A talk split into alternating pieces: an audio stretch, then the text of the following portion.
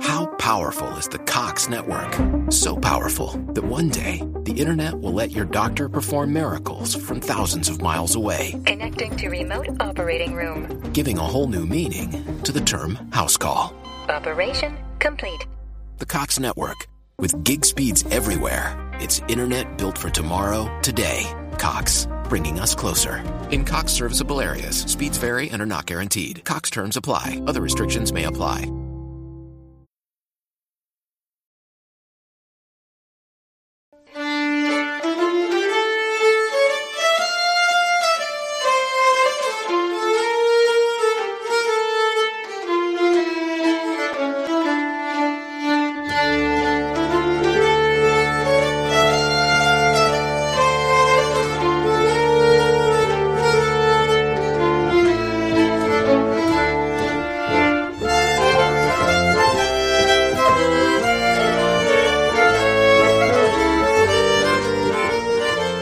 Ebbesjön är död.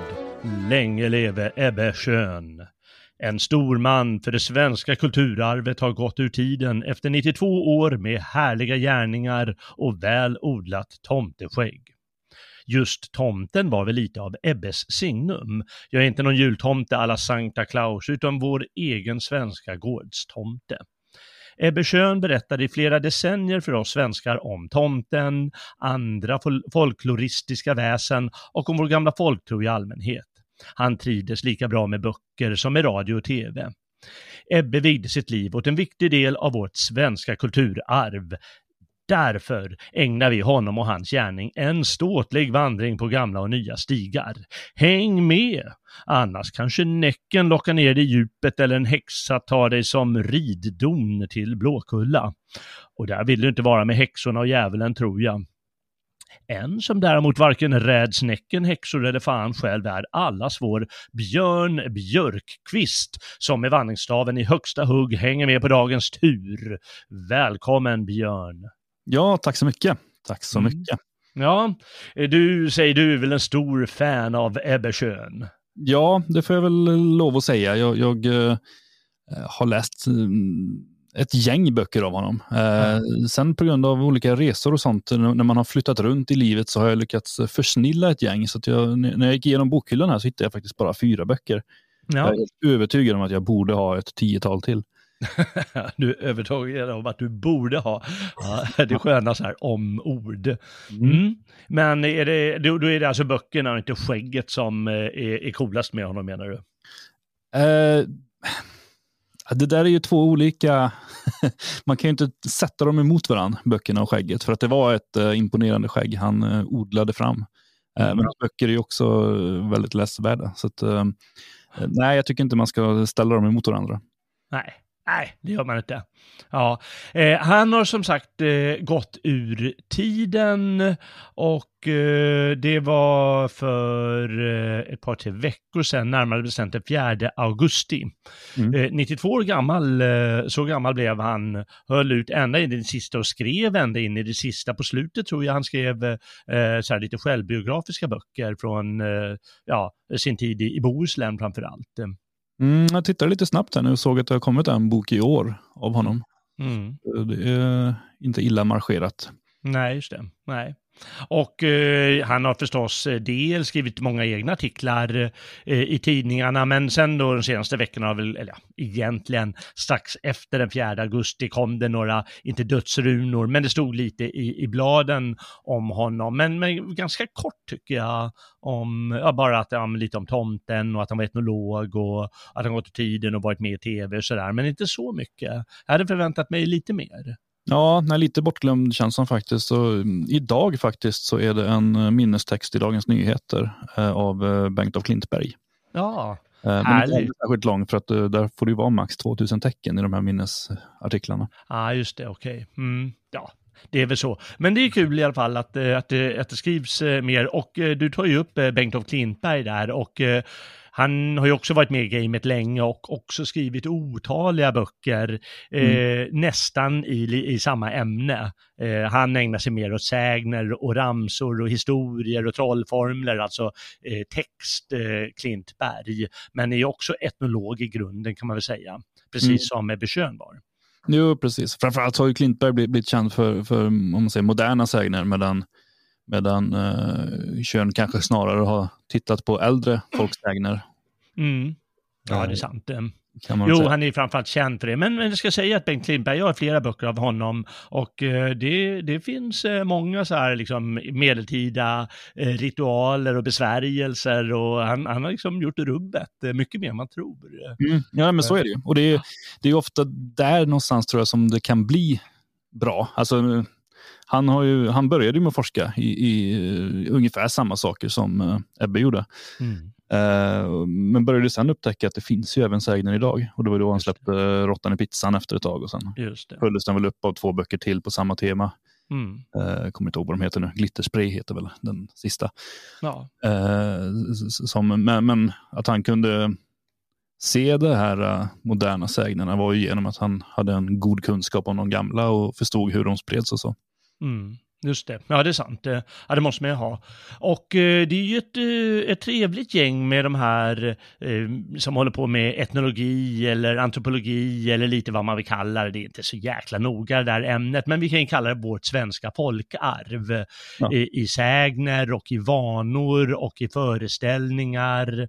Eh, och i berättelser och, och i ritualer och lite allt möjligt. Eh, Mm. eh, som vi har hållit på i, i, i- hundratals eller rent av tusentals år och som på olika sätt har bevarats eh, i folket genom generationerna. Och eh, kan, tänkte, vi kan ta några namn. Ett av de absolut mest kända är förstås Jan Öyvind Svan. Jag skulle egentligen vilja gå längre bak, men vi kan. Ja, man kan gå längre bak i tiden, men jag tänkte bland Ja. de som varit verksamma de senaste, under den här generationen, Mm. eh, som Ebbe själv eh, tillhör. Mm. Eh, och Då är eh, då är han framförallt känd för folksagor och, och, och traditioner, har han tagit upp mycket om. Och han var väl med i Fråga Lund, var han det? Jag, tror, jag, jag vill tro att han var det, men det var Mm. inget jag tittade på på den tiden. Så att, Mm. inte, det man mest, eh, när när man tänker på honom, då tänker vi på hans glasögon. Okej, det kommer jag inte ihåg. Han hade liksom dubbla glas med, med en skarp ram emellan. Eh, Okej. Det ena var väl läsglasögon och det andra tittglasögon eller något. Så att han kunde pendla right. ja, men det måste man ha om man är ordentlig forskare. Ja. Jo, jag tycker det. Fler, flera skikt med glasögon. Vi har ju en, eh, kan man kalla kollega till oss, eh, Karl-Olof Arnsberg. Mm. Han har ju skrivit om, eh, dels om senare och lite sådana grejer. Han är ju berömd nu för tiden för lite invandrarkritisk eh, hållning, men han har skrivit lite eh, om svenskhet och så. Han har också. skrivit många böcker om svenskhet, eller många, men det är väl en tre, fyra stycken i alla fall om, om svenskhet. Som, Ja, precis. Eh, Och har en kollega som heter Åke Down också. Eh, som också skrivit en det och eh, hittade här i bokhyllan av Jonas Frykman är också känd. Eh, Mm. Boken jag hade här var Horan i bondesamhället. Eh, Ja. eh, men han har väl skrivit om flera sådana föreställningar och eh, eh, sådant liv. Eh, jag kan tillägga det här med Arnsberg också, att för de som är intresserade, han har ju en blogg som heter Invandring och mörkläggning. Mm. Där får ju folk skriva av sig, skicka in till honom och skriva lite intressanta grejer. Sen kanske han gett ut ganska många böcker. Ni säljer väl några i huset, tror jag. Ja, då, det finns att köpa på logik.se. Ja, precis. Men det är ju inte hans etnologiska studier, utan det är mer eh, invandrarkritisk eh, eh, och, vad ska man säga, etablissemangskritisk litteratur. Ja, så är det ju. Han har ju släppt en, en bok som heter Romer i Sverige. Just det. Som är en lite mera lättläst version av hans gamla bok som hette Svenskar och zigenare. Ja, just det. Så den finns ju bland annat. Men, men annars är det, ju- det är ju framförallt debattböcker snarare än någonting annat. Mm. Men eh, sen ville du ta lite eh, längre tillbaka i tiden. Lite Ja, äldre. men jag tänker någonstans så alla de här herrarna, eh, deras arbete och sånt där, går ju bak, alltså till, till andra hälften av 1800-talet. Det är ju där någonstans som det verkligen blir populärt. Och det här, vi har Arthur Hazelius till exempel, Verkligen. som grundar Skansen och Nordiska museet. Och han eh, åker runt i hela landet och samlar in. Han, han är rädd att, eller han upplever att eh, vår kultur håller på att förändras väldigt snabbt och han vill spara det som finns kvar. Eh, som han ser då är på väg att försvinna. Samtidigt så finns det runt om i landet mängder av sådana här gubbar som, som eh, arbetar på samma sätt. Men eh, det det är därför vi runt om i Sverige har mängder av sådana här eh, små gårdar kvar, som museigårdar. Mm. Eh, de andra är inte lika kända dock. Eh, för egen del så blir det ju alltid, i och med att jag är uppvuxen på Gotland, så är det ju där jag tittar mest. Eh, då har vi en herre som heter Per Arvid, per Arvid Säve mm. som grundar Fornsalen bland annat. Han grundar en stor trädgård som heter De badande vännernas trädgård han eh, arbetar på olika sätt och är väldigt patriotisk och nationalistisk. Han, det är bland annat en historia om att han blir förbannad på, på någon som eh, nämner ordet kalsonger för han tycker att det är ett ofog att importera franska ord när det finns namn som herrunderbyxor till exempel. det är bra, blir man förbannad och, och ryter till. Mm. Mm. Eh, ja, Richard Dybeck funderar på om vi skulle ha nämnt också i förbifarten. Han samlade ju mest in musik. Ja, det är sant. Men det, det tillhör ju samma genre, för till musiken finns ju text också många mm. gånger. Och jo. Eh, det är ju väldigt mycket bevaras då genom de här sångerna och visorna. Mm. Nej, mm. precis. Eh, någon generation efter eh, Säve, eh, eller ja, ett par generationer efter blir det ju, eh, då har vi en annan eh, gotlänning som heter uh, Ulf Palmenfelt. Mm. som, ehm, ja, dels har han skrivit mycket och samlat in mycket av Säves material, men han har skrivit mycket eget också det han framför allt har inriktat sig på det är att samla in nu, alltså moderna historier, moderna berättelser. Han har gett ut någon bok om med alla barnen-historien som pågick en kort period. Väldigt tråkiga historier där, där, man rimmar på namn och han har gett ut andra om gåtor och sånt där. Och, mm. eh, en bok som jag har heter Osedliga historier och, och påminner säkert om den andra du nämnde om horan där. Det är mycket obskyra texter i den boken och, och, och även teckningar som han har plockat från Nordiska museets arkiv. Just det. Um, ja, ja, verkligen. verkligen. Ja, jag, ska, jag, ska, säga, det ingår också i folkarvet, eh, det där med, med, med, jag har en bok som heter Fula visboken hemma. Det är Klintberg för övrigt som har och den är jätterolig att, att, att läsa och sjunga ur. Ja, det är väl, Finn Zetterholm är väl inblandad i den också tror jag. Ja, så det kanske. Uh, för, för, han gav ju också ut tillsammans med Bengt och Klintberg en bok som heter Svensk folkpoesi, som, mm. som, uh, ja, där de har valt ut de som inte hamnade i Fula visboken. Just det. Så, nej, det finns mängder av sådana här och en till som är värd att framhäva. Uh, det är från min socken hemma på Gotland, Gustav Larsson, som framförallt känns som diktare. väldigt alltså, romantiska dikter om, om Gotland. Eh, men gav också ut flera böcker, byggde också upp en eh, fornstuga från, eh, med, med prylar från bygden och sånt där för att bevara för framtiden. Så det fanns ju mängder av sådana här överallt. Och en gubbe av samma generation som Gustav Larsson, det är ju Ture Elgåsen som, som bodde ja, ett par hundra meter härifrån där jag står nu i, i Elgarås. Ja. Eh, som också åkte runt och han skrev inte så mycket, så han har inte lämnat så mycket så, men däremot så fotograferade han enormt mycket och mm. skapade mm. på det sättet ett minne framåt. Men han, det är bland annat också genom hans arbete som eh, Tiveden finns bevarat och har blivit en nationalpark. Just det, just det. vilken insats. Ja, jo verkligen. Uh, nej, så han, han åkte runt och samlade också och, och byggde ett, uh, eller han bevarade ett gammalt timmerhus som fortfarande står kvar här. Mm. Uh, och det, ja, men det, det fanns sådana här gubbar överallt. Ja, det gjorde det. Och jag skulle säga att eh, det här, det är ju egentligen en urgammal sed. Mm. jag menar, våra första eh, insamlingar av eh, ballader och visor och folkvisor, alltså som bönderna sjöng, Mm. Oftast hade det sipprat eh, ner från adelsmännen själva, men det var ju olika poesiintresserade adelsmän som samlade in sånt där material. Mm. För att inte tala om alla präster, jag menar de, de står ju inte bara och gaggar Guds ord, utan de är ju intresserade av bygden och tar reda på och samlar in deras, eh, deras saker, vissa av dem alltså. Mm. Och då har de ju gjort, eh, ja, ja i, i, i många, många hundra år. Ja, nej, visst så är det. Även om vi går utanför Sverige. Men vi har ju Snorre Sturlason till exempel som skrev ner i princip allt vi vet om asatron. Ja, precis ja. ja. Som en insats för att, att, spara dikterna egentligen. Exakt ja. Så, så det har alltid funnits den där rörelsen, men i modern tid är det framförallt som du säger slutet av 1800-talet då du kommer med den här nationalromantiska vågen och eh, idén att man måste på något sätt bevara en bondekultur som håller på att gå ur tiden. Ja, det är fantastiska personer alla de där, Elgåsen och, och Svan och, och, och Klintberg och, och, gänget och inte minst då allas vår Ebbe Schön. Absolut. och du nämnde Nordiska museet där och eh, han, eh, jag vet inte vilken uppgift han hade där om han var chef för Nordiska museet eh, ett Han var väl chef för år. avdelning vill jag minnas. Men mm. osäker på det. Ja, jag kommer inte ihåg exakt. Eh, eh, Och eh, förstås viktig i bevarandet. Nordiska museet är ju där just sådana här, såna här saker bevaras. Mm. Allt från ja, vad man drack med och vad man, vad man åt med och verktyg och, och, och material och ja, allt man hållit på med. Som så att säga folket hållit på med. Ja, det är väldigt vackert. De som inte varit på Nordiska museet eh, eh, på Djurgården i Stockholm, eh, de eh, säger ta en tur dit. Det är väldigt roligt att gå där. Och Ebbe Schön har då gjort sitt eh, för att hålla det i livet. När var du i Nordiska, på Nordiska museet sist?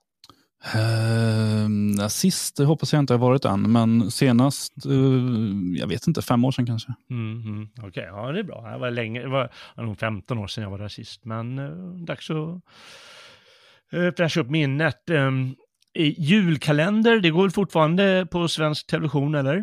Oh ja, oh ja. Mm. Och 1979 då gavs det ut en som heter Trolltider, som Mm. handlade just om svensk folklore. Mm.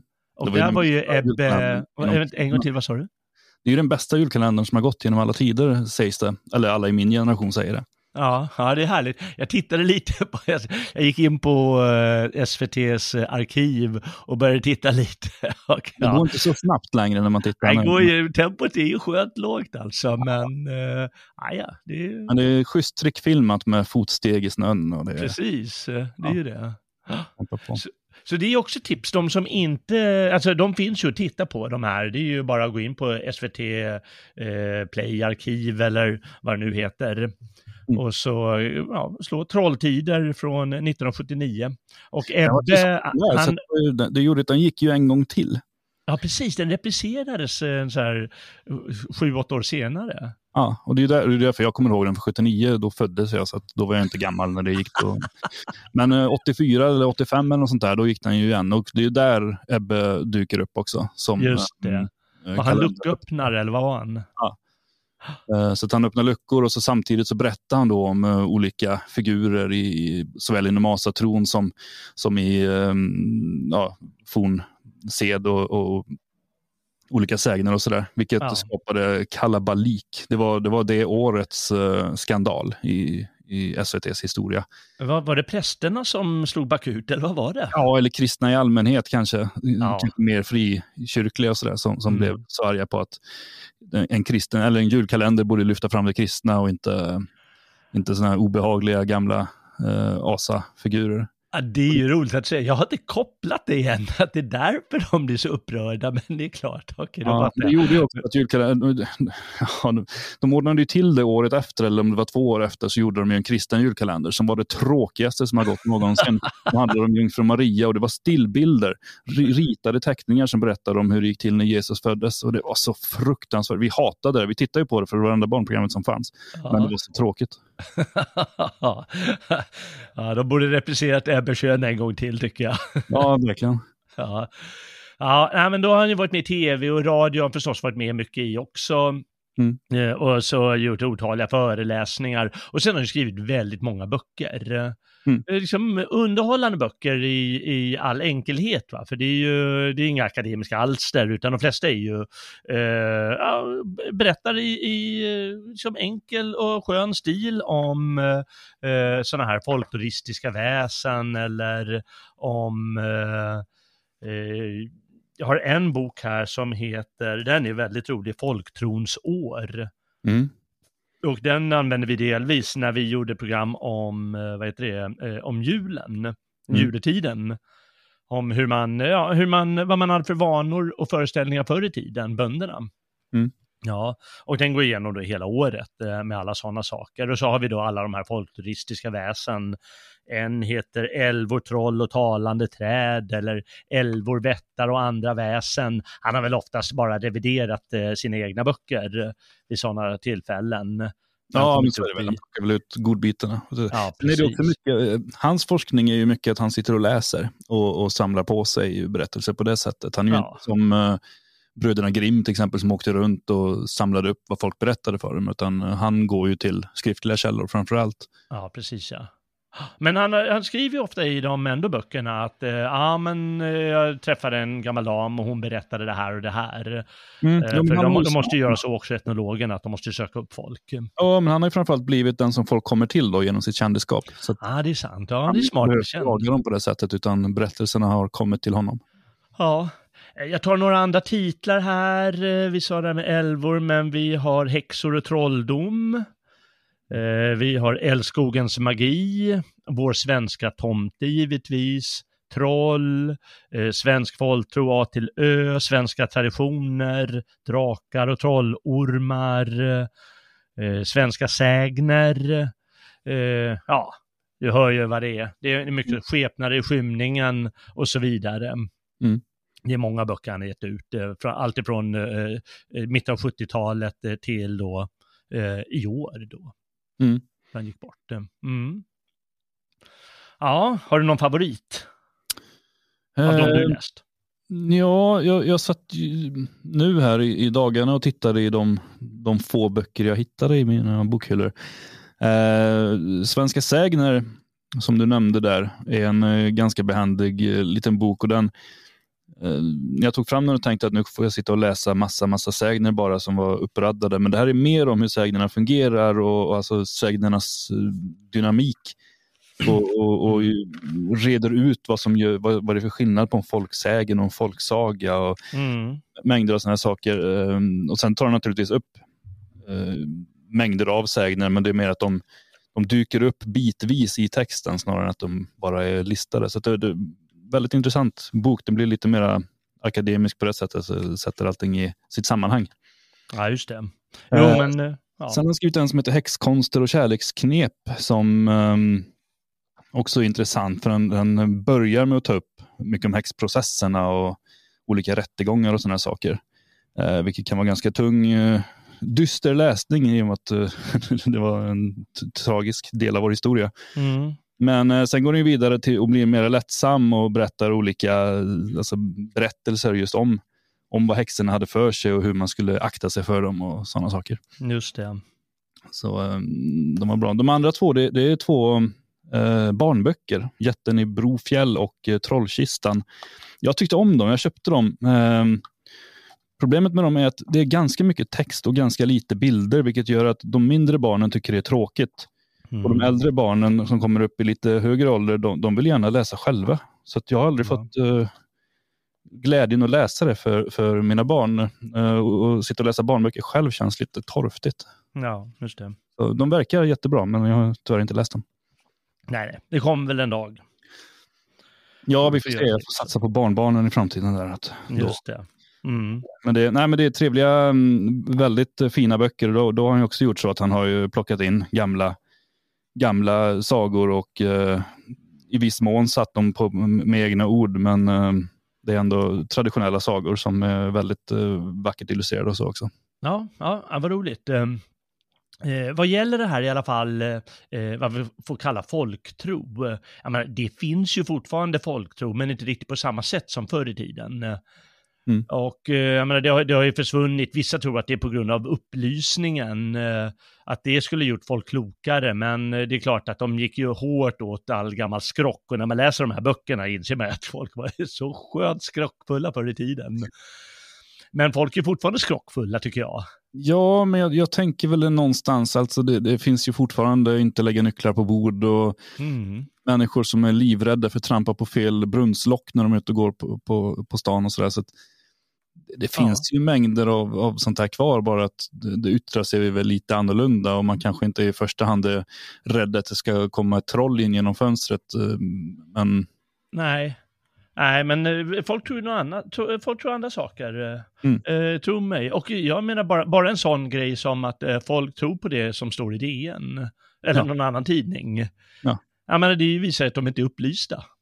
nej, visst är det så. Ja, så eh, det, det där med upplysningen, det, det tycker jag är ganska marginellt, utan det är ju snarare vår moderna värld, eh, urbaniserad värld i första hand. Att de här, det var ju bondesamhället i första hand. Och även i städerna så hade man ju djur som man tog ut eh, på bete och så. Mm. De levde ju också nära naturen på ett helt annat sätt eh, än idag. Och folk levde alltså eh, närmare naturen när de inte hade elektricitet, eh, utan dagens, eh, vad ska man säga, flöde liksom, av mörker och ljus och, och även eh, nederbörd och, och ebb och flod och allt sånt som finns i naturen. Att de levde ju mycket närmare det. Och då, då tar man ju intryck av det på ett helt annat sätt än vad vi gör idag. Ja, ja men det, det, måste man ju göra. Men samtidigt så dyker det upp nya. Jag menar, det, det, det, finns ju massor av berättelser om vad som, eh, som olika monster som finns ute på internet. Till exempel. Ja, jo, ja, men det gör det ju förstås. Ja, precis.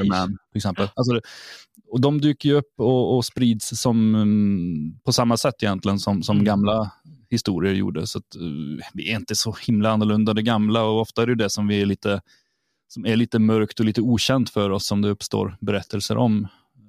Ja. Inte, inte jättekonstigt. Och då, jag menar, vi var inne på Klintberg, han har skrivit tre böcker med, med hundra moderna berättelser i varje som, som är liksom vandringssägner. Ja, verkligen. Så de finns ju. Framtidens etnologer, de kommer också ha, äh, att, äh, ha att göra.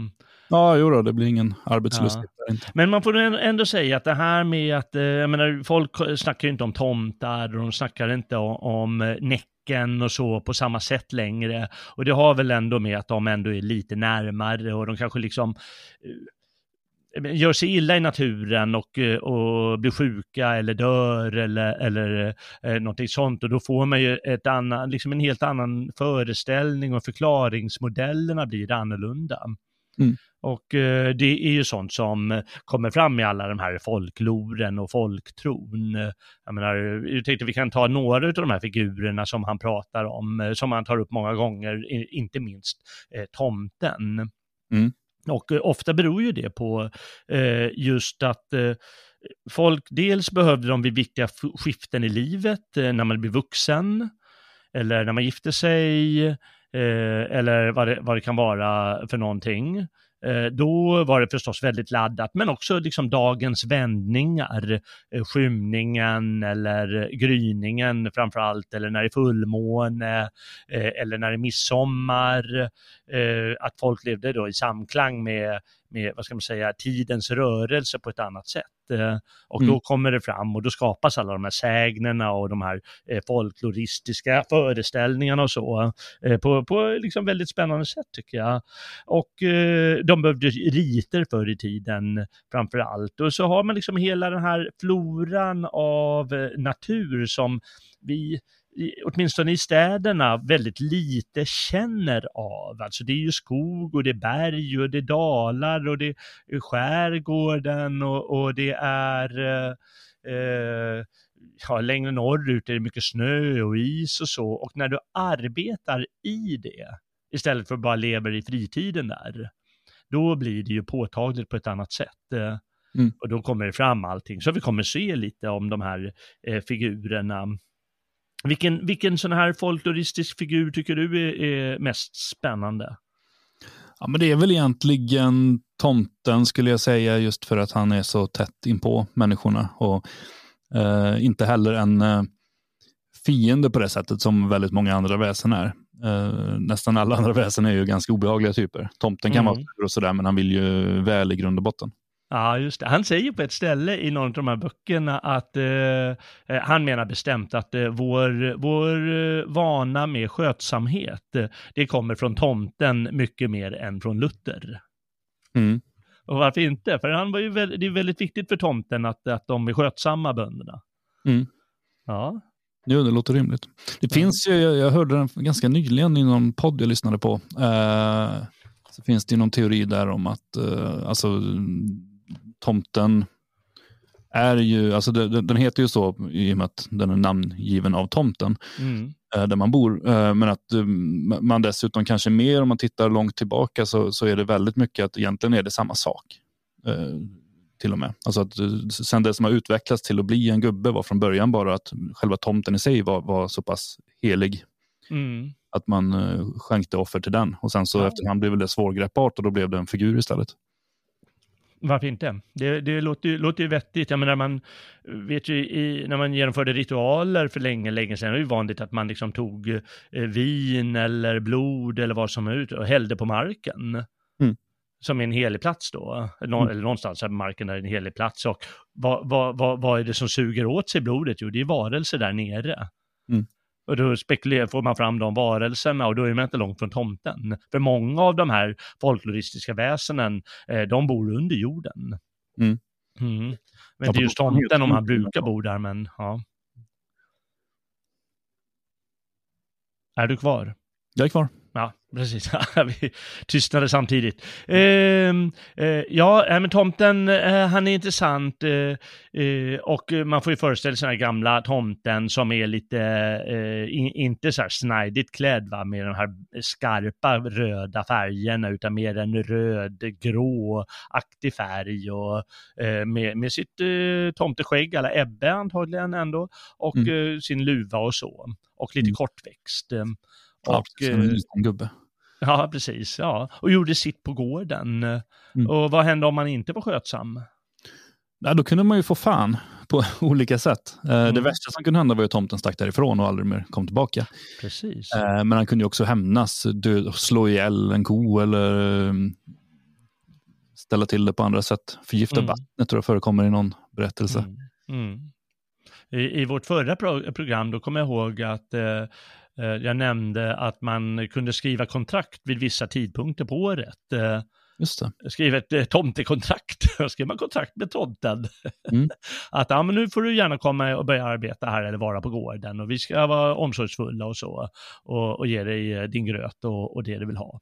Mm. Och så kunde man säga upp också om man tyckte tomten var en idiot eller något. Ja. Fascinerande med det. Och jag, tror man gick till prästen och gjorde det. Och vissa präster de såg väl mellan fingrarna med det där. För många präster var ju emot sån här folktro och kämpade mot det. Mm. Men Ebbe, Ebbe Schön, han skriver ju på vissa ställen, vet jag, att eh, ofta levde de ändå i samklang. För båda var ju förklaringsmodeller för eh, någonting andligt. Ja, nej men och det var ju svårt. Alltså det, det har ju försökts vid några perioder att, att uh, utrota såväl tomten som, som andra, alltså troll och sånt där. Men det har ju Mm. inte, eh, det har inte gått. Det enda som har varit accepterat, det, det är ju ändå en ganska utbredd eh, fantasivärld om djävulen. Den har ju kyrkan tillåtit, eh, även fast den inte många gånger inte har stämt speciellt bra överens med Bibeln. Mm, precis. Ja, eh, jag tyckte det var ganska intressant att, läsa om troll igen, för jag läste igenom, skumma igenom eh, Mm. någon bok här och eh, de flesta har ju föreställningar om troll från, från ett par, tre olika håll. Det ena är ju då folksagans troll som ofta är så här storvulen och ja, lite halvnaken och, och jobbig typ. Sen har vi det som syns i populärkulturen, till exempel så här Tolkien-troll eller något sånt. Eh, Mm. Väldigt stora, kraftiga, korkade eh, typer. Eh, så vi har populärkulturen och vi har då folksagorna. Men, eh, men folktrons troll, säger Ebbe Schön, de är, eh, de är inte alls så ofta fula, de, de är ganska lika människor. Mm.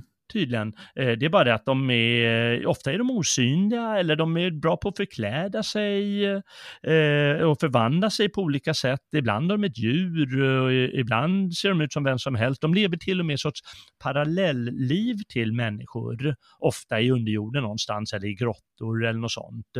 Mm. Eh, och eh, de firar väl också jul eh, lite annorlunda än vi kanske, men följer ungefär liknande rytm som oss. Det är bara det att eh, de lever eh, ett liv i dimman eller vad man ska säga och då ska man förstås sakta sig för det. För de kan ju ställa till det för folk. De kan göra djävulskap och, och, och sånt som man upptäcker att en sko är död säger, ja men då är det trollet som varit där och så hittar man en förklaring till det. Mm. Eller vad det kan vara. Men just att de inte är den här eh, stora bamsen med, med en stor klubba och är korkad och eh, ja, som man ser i, i Tolkien-filmen eller något sånt kanske. Mm. Ja, och jag såg till och med att i, i bergssalarna där de bodde, där kunde det vara vackert, väldigt vackert och lyxigt. Ja. Eh, man, kunde, man kunde gärna komma dit och leva lite i lyx ett tag, men man fick arbeta för eh, trollen å andra sidan. Ja, och sen finns det väl, det är väl i alla fall några berättelser där de kommer ner och har det väldigt lyxigt och bra och sen visar sig på något sätt, jag vet inte om det plötsligt kommer in och ljus eller någonting, att den här fina maten de äter är egentligen larver och maskar. Och... Ja, just det, ja precis. Ja. det fina vinet, det var, det var gödsel, gödselpissel och sånt. Ja, så allt är inte, ja. Nej, det är sant. Men det är ändå ganska intressant tycker jag att läsa det där, eh, att man, att man tänker på det, att eh, ja, men trollen behöver, förr i tiden, så som folk tänkte sig, folket, alltså bönderna ute i bygden, eh, behöver ju inte bara vara just en sån storvulen, eh, jag vet inte vad jag ska kalla det, stort, stort troll helt enkelt, utan det kan vara ja, väldigt lik en själv. Mm. Och ganska lika med, med vättar också, som också lever under jorden. Ja, det är ju många figurer som, som liknar varandra och, och väldigt ofta när man när man hör om dem kan det vara svårt att se skillnad med och det är ofta för att det är egentligen i princip samma fast de har dykt upp i olika delar av landet och så. Ja, precis ja. Exakt. Och de här vättarna till exempel, de kallar, kallas då uppe i Norrland kallas de för vittror. Mm. Och som du säger, att ibland är de lika på olika delar av landet, ibland, ibland är de lite olika. Jag läste om eh, olika djur här också som har skrivit i en bok och då, då om det var ekorren eller sånt, ja, den ger otur i Sverige men den ger tur i, i Norge eller på många ställen i Norge. Mm. Så eh, det kan också vara att de ändå har olika funktioner. Men det är som du säger många gånger att tomten och vätten och trollet, de liknar varandra. Och sen har vi liksom Näcken och, och olika sjöväsen, ja, de liknar också varandra. Ja. ja. Jo, så är det ju. Och det är ju, alltså, som uppvuxen på Gotland så har man ju, vi har, vi har en mängd andra figurer som uh, Bysen till exempel som driver mm. runt i skogen och uh, ganska obehaglig mm. typ. Och vi har Dismounda Jordi som finns under marken och sådär. Ja, du ser.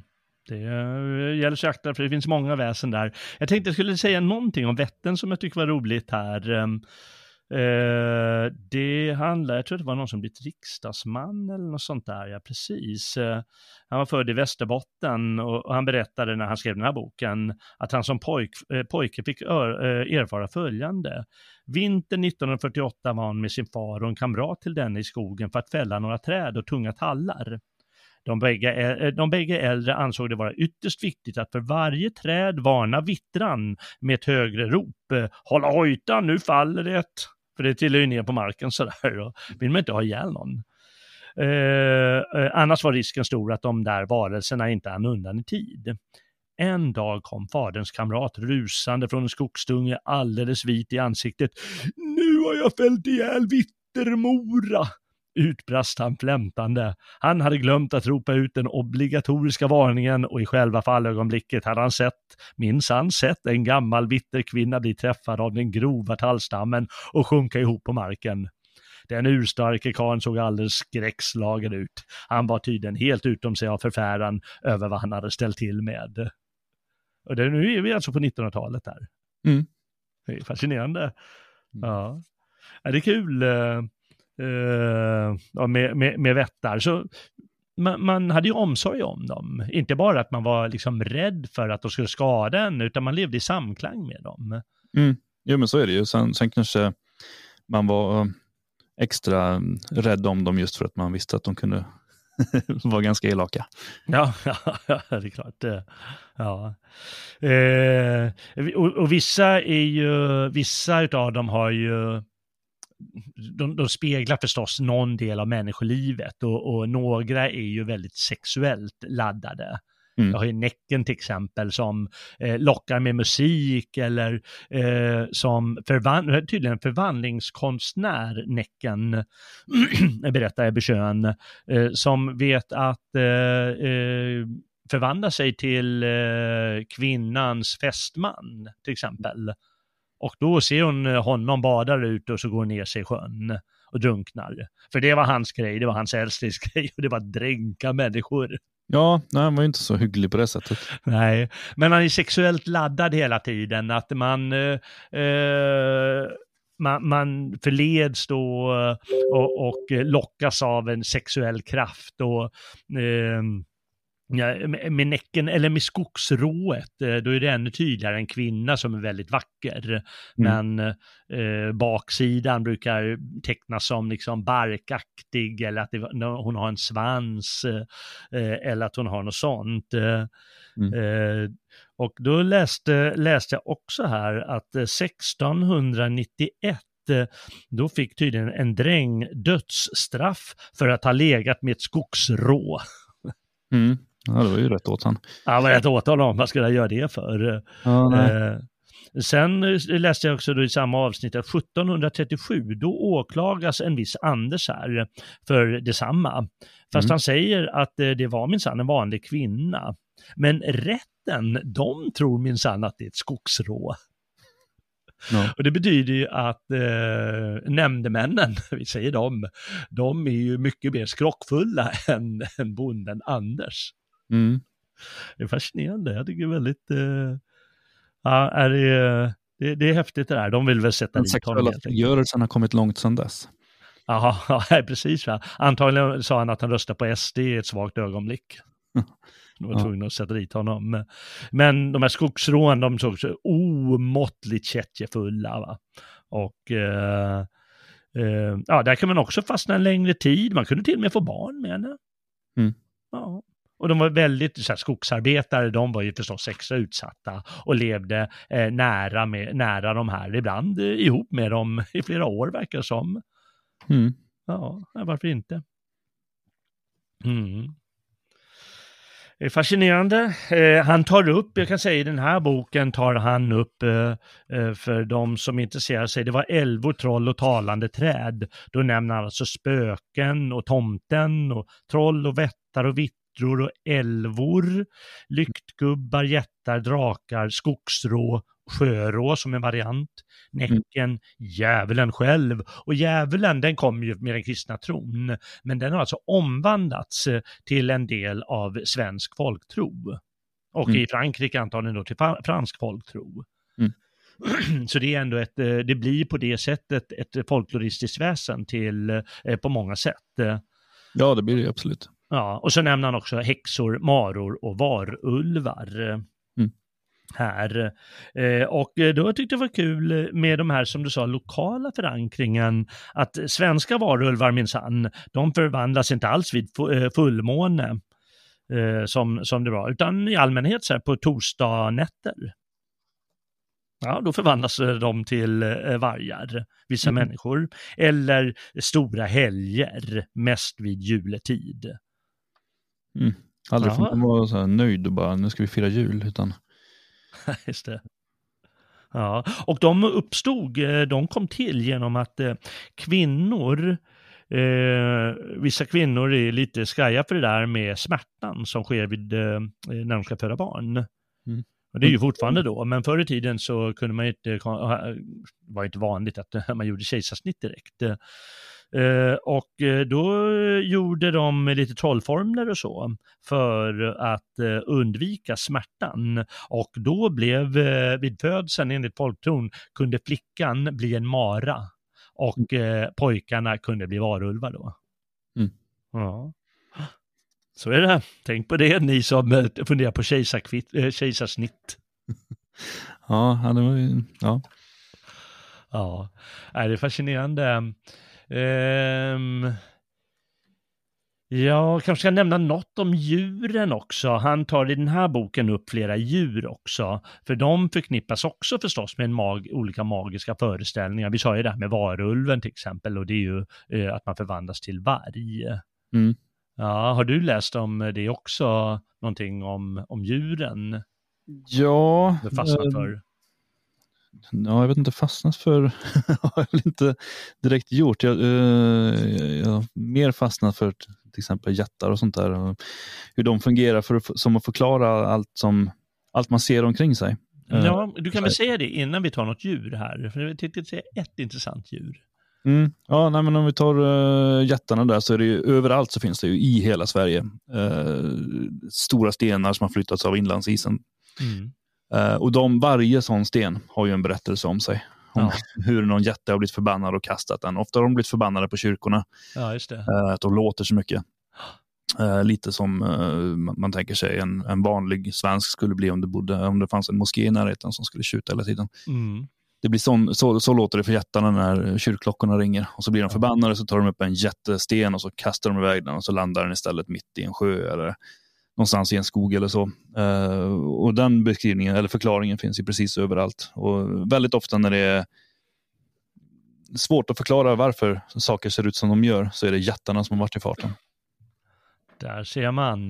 Det, är mång, det blir många sägner det där, måste jag säga, för det finns ju otaligt med sådana stora stenbumlingar i Sverige på grund Ja. av inlandsisen som du säger. Ja, men det är också otaliga sådana berättelser. Mm. Och några kanske är sanna, det kanske inte är inla- inlandsisen, det kanske är vår moderna sägen. Ja, precis. Ja, mycket inne på det. Vi vi kommer lite till det, för det, det, det känns som att sånt kommer tillbaka mer och mer. Mm. Ja, eh, jag tyckte det var roligt att läsa om igelkotten och eh, eh, jag nämner det också för när jag läste om det tänkte jag på, eh, det kommer ju med någon gång i månaden, är det någon artikel, inte i, i Svenskan eller Dagblad, eh, Dagens Nyheter eller något sånt, eh, skräplaska, utan på alternativmedia om hur eh, en viss sorts människor har plågat eller dödat igelkottar. Mm. Och det ska man veta som svensk att det är fruktansvärt. Eh, Och det är inte bara för att vi tycker att eh, den är söt och så, utan igelkottar, eh, de bringade tur, menade man. Det är liksom ett av de djuren som bringar mest tur. Mm. Mm. Ja, det tyckte jag var väldigt tufft. Och därför skulle man visa dem omsorg. Och de, liksom tomten, bakade också över gården. Mm. De kunde till och med hjälpa till om det började brinna. Då var man övertygad om att eh, om man hade skött sig eh, med sina igelkottar, att de kom, kom och hjälpte till och släckte elden. Mm. Ja, Det är bra, jag har en, en, en igelkott i trädgården ibland. Jag får eh, fortsätta vara snäll mot den. Ja. Eh, och eh, om man skadar den, då råkar grisarna ut, eh, de blir sjuka eh, eller kanske dör. Eh, för den ansågs vara en sorts gris på många håll. Mm. Ja. Och ja, det är häftigt. Som, som nästan alla de här olika djuren, han nämner ju de djur som finns i Sverige i stort sett, de flesta av dem, så använder man dem i läkekonst också Mm. om, man, om, om om den är död eller något sånt där. Och eh, en sak var att man, man, man brände den, en död igelkott, och intog askan. Och det kunde hjälpa mot så här rabies eller epilepsi eller något sånt. Fascinerande sätt. Och i sitt hjärta, då hade igelkotten, menade man, en liten sten. Och om man hittade den och, och hade den som halsband, då gav den styrka och, och sundhet och, och rent av o, ö, osårbarhet. Mm. Fascinerande. Och taggarna givetvis, de var bra mot eh, tandvärk. Ja, såklart. Såklart. Ja. Ja, nej, men det, det, det är ju, mm, jag sitter och tittar nu på ett kapitel här just om djur med övernaturliga krafter. Och det är ju, mycket av de här stora djuren var man ju rädd för, för att de var ju lömska och farliga. Alltså, det är björnar och det är vargar och, och liknande djur som man verkligen aktade sig för. Eh, sen finns det mängder av berättelser där man kunde komma överens med dem på olika sätt. Och man kunde gå ut i skogen och sätta sig och prata med björnen och så. Men men ofta skulle man ju undvika dem och, och inte ens kalla dem vid sina riktiga namn, utan man hade ju andra Mm. namn som man använde för att inte åkalla dem. Just det. Han kallar det för Noa-namn. Eh, Noa-namn. Just det. Mm. Ja, verkligen. Liksom gråben för, för vargen till exempel. Ja, lite tasse.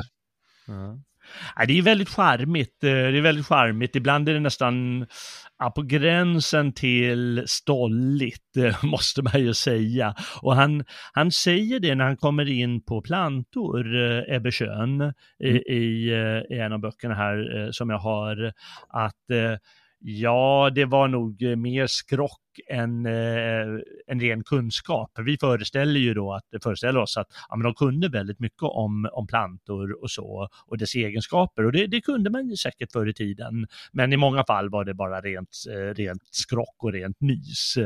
Mm. Och eh, då, jag måste verkligen berätta, det är så knasigt. Um, han säger, jag har ett rätt så drastiskt exempel på magisk medicinering från min egen släkttradition. Han säger nämligen innan att det var ofta örter man använde, men inte alltid. Min mamma berättade för mig att hon som liten flicka blev ivägskickad av sin mormor till en herrgård. Hon bodde i Munkedal i mellersta Bohuslän och detta var omkring år 1900. Det kan tilläggas att det var där han hade sin barndom då, i Bohuslän, Ebbersjön. Mm. Eh, skickade iväg henne i ett delikat ärende. Hon skulle smyga sig in i en svinstia och hämta en rykande färsk grisskit. Hennes mormor som brukade hålla på med lite kuckel och bot bredde sedan svinskiten på en brödskiva. Den mackan fick en patient äta upp minsann. Meningen var uppenbarligen att sjukdomsdemonen som hade tagit sin boning i kroppen skulle tänka Ja, det kan ingen jäkel i världen bo i en människa som äter grisskit. Patienten överlevde, det vet jag, berättar Ebbe, men däremot undrar jag om det blev något återbesök. Nej. okay. ja. det, är, det är humoristiskt att läsa, eh, för det, det är ju så knasigt eh, vissa gånger. Många gånger är det helt logiskt som du säger, det här med stenarna, ja men det låter ju som en bra förklaring och, och många gånger så funkar säkert den här dieten eller vad man, vad man tar sig för eller att man ska vara omsorgsfull mot det och det djuret eller man ska akta sig vid dimma för då är den där varelsen framme eller något sånt. Mm. men ibland är det skönt eh, bara kras. Ja, nej, men så är det ju. Det svåra var ju säkert, ja, men då som nu, att, att avgöra vad som var på riktigt och var man beredd att chansa. Mm. Jaha, precis. Var du beredd att chansa? Nej, det var ju inte folk. Och mm. alla var ju skrockfulla. Mm. Och eh, ja, jag menar, du sa ju det här med, eh, vet du det, eh, trollpackor och häxor tar ju också upp i, i den här boken. Eh, det, det, är ju roligt med häxorna, kanske du kan berätta om du kommer ihåg något snart hur de, eh, vad heter det, eh, hur man, hur man ansåg att de hjälpte för magiska krafter eller vad de kunde hitta på när de åkte till eh, eh Blåkulla. Det finns ju Men... mängder av berättelser som, som, som um, tar upp det här och det, det är mycket just och det beror ju på alla vittnesmål och det är väl därför det finns bevarat uh, ja. i rättegångsprotokoll och sådär hur, hur häxorna tog sig till Blåkulla. Exakt. Uh, de åkte In, Innan du berättar det tänkte jag bara säga att jag vill säga att eh, eh, prästerna förr i tiden, de var ju ofta motståndare till sådana här berättelser. Dels för att de kanske var klokare och inte riktigt lika skrockfulla. Och mm. dels för att de i kristen mening kämpade mot det här. Så eh, förklarade jag, tror jag, i förra podden om, om Karl XI att, eh, eh, för det skedde ju under Karl XIs tid, de största häxprocesserna i Sverige. Mm. Men de var lokalt förankrade och, eh, och präster och rätten, de kämpade ganska emot, eh, mycket emot de som just ville bränna och så. Ja, och det, det får ju också, man får komma ihåg det att det pågick ju inte under jättemånga år, utan det är en ganska kort period i svensk historia som det här, Just det. Som det här inträffar. Och, eh, ja, men det spred sig väl ganska fort till storstan, till Stockholm och det var väl där det tog stopp. Liksom, att, ah, just det. De insåg, vad fan håller ni på med?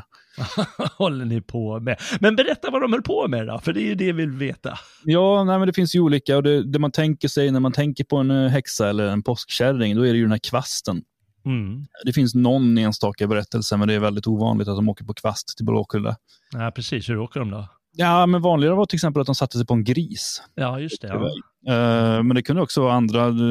Någon tog sin man som låg och sov och förtrollade ja, honom och, och, red på honom. Någon annan ja. tog resten. Han var glad. Man tog lite vad man hittade helt enkelt. Så här. Jag läste en, en upp och nervänd ko, läste jag. Ja, jodå, jodå. Det, det förekom också. Och ibland tog de med sig barn dit av någon mm. anledning. Väldigt mm. dumt just att plocka med vittnena dit.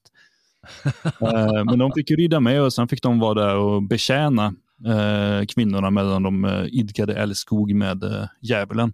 Mm. Uh, och det, de, det som gjorde att de dömdes till döden sen, det var ju inte att de låg med djävulen, utan att de, att de var otrogna. Ah, ja, just det. Det var ju det som var själva brottet, för att det fanns inget skrivet om just eh, att vara med djävulen där. Nej, nej. Det var en del som blev utpekade som häxor som, som uh, inte blev avrättade och så med i och med att de inte var gifta och sådär. Fascinerande. Uh, ja, det, man, man, man skrattar ju nästan åt det, men det är klart att det är fruktansvärda, fruktansvärda öden när de dränktes eller hängdes eller brändes eller vad de nu fick för straff. Ja, jag tror... för att de låg med djävulen. Det har jag inte framför mig här nu, men jag för mig att en person brändes levande. Ja, det. Eh, men det är också det vanliga, man, man ser att det var så det gick till. Men, men många brändes, men efter att de hade blivit avrättade. Exakt, ja. Mm. Men avrättningen var väl kanske inte heller det vackraste. Nej, nej, säkerligen inte. Nej. Ja, Nej, det, är, det är ändå fascinerande och eh, när du säger det här med häxor så eh, är det en sak som man ser den här folkloren, hur den eh, kommer tillbaka i vår moderna tid. För det är ju inte ovanligt med människor som lajvar häxor eller med någon sorts hä, hä, någon häx, för, ja, ovanligt, vanligt och vanligt, men, men, men det finns sådana häxföreningar. Mm. Eller sådana som, eh, jag vet inte, jag kallar det lajva i brist på annat, varulvar eller vampyrer som har varit väldigt populärt på grund av, eh, och häxor också då på grund av populärkulturen eh, många gånger. Ja, De här filmerna om vampyrer och sånt. Folk som går runt och klär ut sig till vampyrer gör väl det mer som någon form av lek, medan det finns ju de som betraktar sig som häxor just för att de håller på med örter och, och lite magi och sådär. Ja, det gör det. Men det, det, har jag förstått med vissa varulvsklubbar och sånt också, att de, eh, de har kommit så dit här att de faktiskt uh, får för sig att de är det. Jaha. Ja. ja, ja. ja. ja, de kanske är det då. Ja, vem vet, ja. Och häxorna också för den delen. Eh, vad, vad, kallas det? Har något anglosaxiskt ord eller? Uh. Med en sån häxförening. Ja, det finns ju garanterat, men inte vad jag kan... Jag tappade, tappade bort det nu. Det som men talar mycket... emot att de, att, de, att de är det på riktigt är ju att de väldigt ofta också har vänsteråsikter. Jaha, är det så? Ja, ja det, är ganska, det är väldigt vanligt och då, då gör att då faller ju trovärdigheten. Ja, det gör det förstås. Ja. Mycket har ju kommit med eh, miljörörelsen. Men det har ju funnits innan också. Det, är liksom inte helt, det kommer inte med eh, så Greenpeace eller något sånt, utan det har även funnits tidigare. Och det har vi sett, eh, Ebbe Schön, han träffar ju folk som eh, menar att, han har, att de har minsann lite häxkonster och kunskap och så. Mm. Men mycket kommer ju också med så här rollspel eller eh, populärkulturen i film och, och, och, böcker och så. Och då tycker, lever de sig in så mycket människor att de vill också vara så här häxor. Och ofta är det kanske att man känner, det är på många sätt en sund inställning tror jag, att man känner ett visst främlingskap eh, i vår moderna vetenskapliga värld. Den mm. blir liksom för torr och krass och eh, omänsklig nästan. Eller vad tycker du? Jo, nej men det, det, det, tror jag att det är det det beror på. En, en form av avståndstagande från uh, den moderna världen. Mm. Sen uh, kan den väl gå till överdrift också, som allting annat. Uh, men jag tänker väl någonstans ändå att det är väl trevligare, eller det är väl mer naturligt att människor går runt och identifierar sig med häxor eller med, med tomtar eller vad som helst, än att de går runt och försöker vara en del av någon filmserie eller alltså, vad heter de här, uh, om trollkaren. Om trollkaren? Ja, den här unga trollkaren. Nu står det helt still. Harry på pottan. Uh, där finns Harry det många människor som, som springer runt och försöker live att de är med i den världen. Ja. Och då, då, känns det ju mer naturligt att söka sig bak mot någonting som verkligen är sprunget ur folkdjupet. Ja, det är det. Ja. Eh, en sån sak är vad man föreställer sig, och det, jag känner ju människor som är sjuksköterskor alltså. Men de eh, vill, antar jag, någonting, antagligen viljan, men då samtidigt tror på sätt och vis att eh, eh olika sorters stenar har eh, olika krafter. Uh, för, och jag, jag läste själv i handböcker här, så jag har, jag har ett par sådana böcker om stenar och, och kristaller och så. Ja, men då har de olika egenskaper, mm. uh, de här.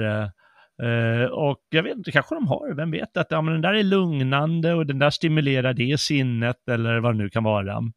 Jag kan inte ge några exempel, men örter är det onekligen så att vissa örter, de har ju en stimulerande effekt eh, på grund Ja. av lukt eller smak eller då eh, nä, nä, nästan narkotiskt innehåll. Mm. Men, men många gånger är det där, eh, tror jag, att de, de här personerna vill att eh, den här stenen ska ha den egenskapen och den stenen ska ha den egenskapen. Om du vill bli frisk på det sättet, ta dig ett bad med eh, 74 av den stensorten i badet. Eh, då klarar du dig. Ja, jag menar, placeboeffekten gör ju mycket garanterat. Ja. Precis. Och det behöver inte vara så dåligt med det där eh, med skrock. och eh, då måste jag ta käka bajsmackor och sånt, då är det inte så. Nej, nej, nej, jag pratar inte bajsmackor nu här, utan jag pratar om, jag ska se om jag hittar det här. eh, Um, se om det stämmer här, 98. Ja, jag kan inte ställa, jag har skrivit fel ord. Men eh, det var ju något djur eller någon eh, sån här eh, varelse. Eh, och då var det bra att preparera sig, eh, liksom få någon motståndskraft mot den. Eh, Mm. Och varslet man upplevde och det var genom att faktiskt ha samlag med frun kvällen före. Ja, Ja, och om man tänker att det är varje dag att man riskerar att uppleva en sån grej, ja visst. ja då måste man varje kväll hålla på med det där. Ja, det gäller att bo stort då. Ja, det gäller att bo stort. Ja, jag vet inte om man gjorde förr i tiden, men man struntar väl i det. Vad som helst för att, för att undvika farorna. Ja, så är det. Mm. Och ja, ja, då kan väl ha sin eh, fördel, eh, skrocket. Eh, har du någonting som du bara kommer på som du upplevt då nyligen i sån här skrockfullhet bland ja, folk i din närhet eller som du har hört på tv eller vad som helst? Eh, Eh, nej, det, det har jag väl inte så. Jag har en kollega här på kontoret som inte lägger nycklar på bordet. Så här, men ja. men eh, annars så... Jag menar, många skrockgrejer har ju rimliga förklaringar också. Så att man inte ska gå under en stege, det är väl klart att det är rimligt. Ja. så, så jag vet inte. mm, ja, det är sant. Det är ju faktiskt rimligt. Inget jag så superreagerar på, eh, kan jag väl inte säga. Nej. Men det är säkert saker hela tiden också som man inte reagerar på. Just för Mm. att eh, det är vår tids eh, skrockfullhet. Ja, verkligen. Och eh, som sagt, jag menar, jag menar att eh, när folk kommer med förklaringar eh, när, som, som de anklagar oss för Mm. på, på vår politiska sida, då får vi ofta höra, men ofta är just de förklaringarna de själva drar fulla av icke-sanningar. Mm. Och då är det liksom samma inställning att det är att de vill att en viss sanning ska finnas. Och det är ju närmast så modern skrock i alla fall funkar. Att eh, ah, jag vet väl att det med nycklarna på bordet antagligen inte stämmer, men jag vill att det ska vara någonting där. Ja, men jag menar, en, en modern skrockfullhet är ju människor som inte kan dricka mjölk när den har gått ut. Eller så här, det, det står på äggen att de går ut imorgon så att nu vågar jag inte äta dem längre. Så här, folk inbillar sig att eh, man, man inte längre kan lukta eller se på saker om det är dåligt. Ja, Utan, det. eh, man är så pass eh, fast i, i eh, att man styrs av auktoriteter. Så att finns det någon som har talat om att nu, nu går den här varan ut, då, då gör den det. Ja, just det. Ja, det, är- det är ju någonting som kommer fram väldigt mycket i vår tid med det här med genterapin mot eh, corona. Mm. Nyss kom det fram idag att YouTube, jag tror det var YouTube eller Google som släppte på vissa parametrar. Mm. Att eh, om man kritiserar någon grej med corona, då, äh, masker till exempel, nu är det okej att säga att eh, masker är inte så himla bra att använda. Ja, ja. Och då får man göra det. Eh, men man fick inte göra det för en månad sedan fortfarande. Mm. Och det är, ju, det är väl någonting om bevis på att, jaha, här, vi, här ska man tro, man ska tro en viss grej. Mm. Och sen nästa stund då ska man tro en annan grej. Mm. Och eh, det skapar givetvis här någon sorts skrockkänsla. Och eh, folk tror ju jättemycket väldigt, väldigt tydligt i våra coronatider. Eller i Ja. det här med invandringen, om man säger någonting emot det, då, då får man veta det ena och det andra. Att ja, men de är ju nazister. Det här, ja, vi har den här, eh, eh, den här psykpatienten eh, som, som dödade en kvinna i, eh, på Gotland Ja, just det. under den politiska veckan. Eh, då, har ju, då är det tydligen SDs fel. Ja. Det, men vad är det för en förklaring? Nej, och det är ju sådana förklaringsmodeller som man, man ser hela tiden och allt blir ju väldigt... eh, Det finns många sanningar. Vi har ju hela den här klimathysterin också. Där det är så Mm. mycket sanningar som bara ligger där som inte kan eller får ifrågasättas.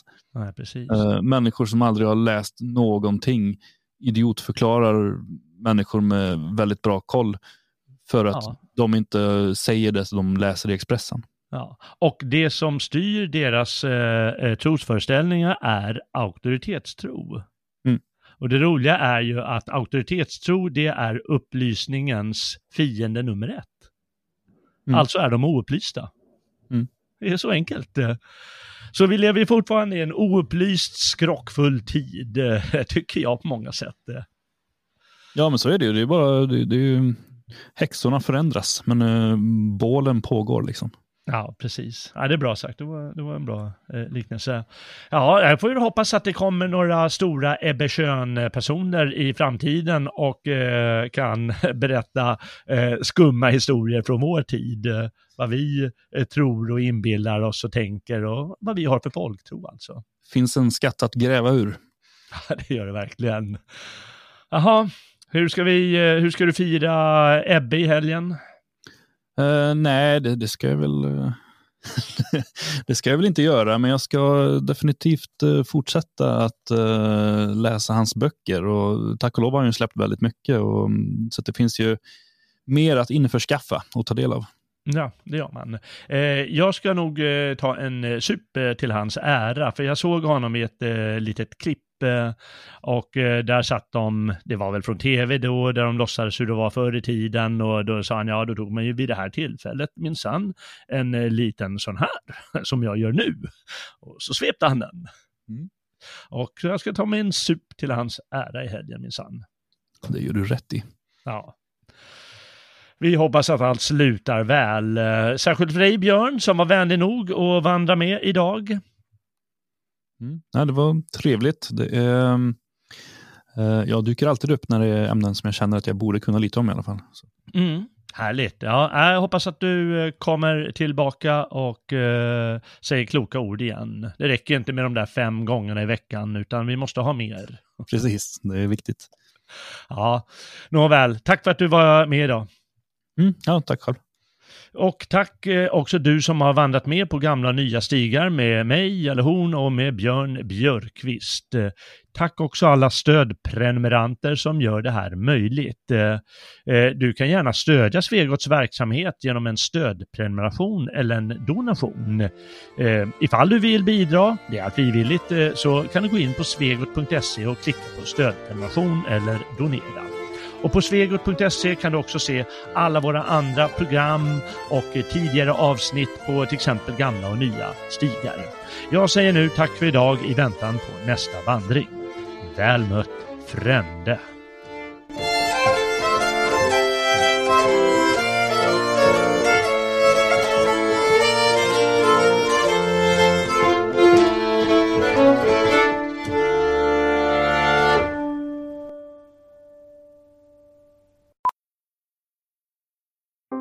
Powerful is the Cox network? So powerful that one day the internet will let your doctor perform miracles from thousands of miles away, Connecting to remote operating room. giving a whole new meaning to the term house call. Operation complete. The Cox network, with gig speeds everywhere, it's internet built for tomorrow, today. Cox, bringing us closer. In Cox serviceable areas, speeds vary and are not guaranteed. Cox terms apply, other restrictions may apply. Spring into savings at your neighborhood BJ's. From April 25th to May 22nd, save $4 on select skincare products only at BJ's, like Neutrogena makeup remover wipes, Beach Defense sunscreen, and retinol regenerating cream. Lubriderm 24 hour non greasy moisturizer, and Aveeno Daily Moisturizing Lotion. Save April 25th to May 22nd with select skincare products at BJ's. Visit BJS.com for more information.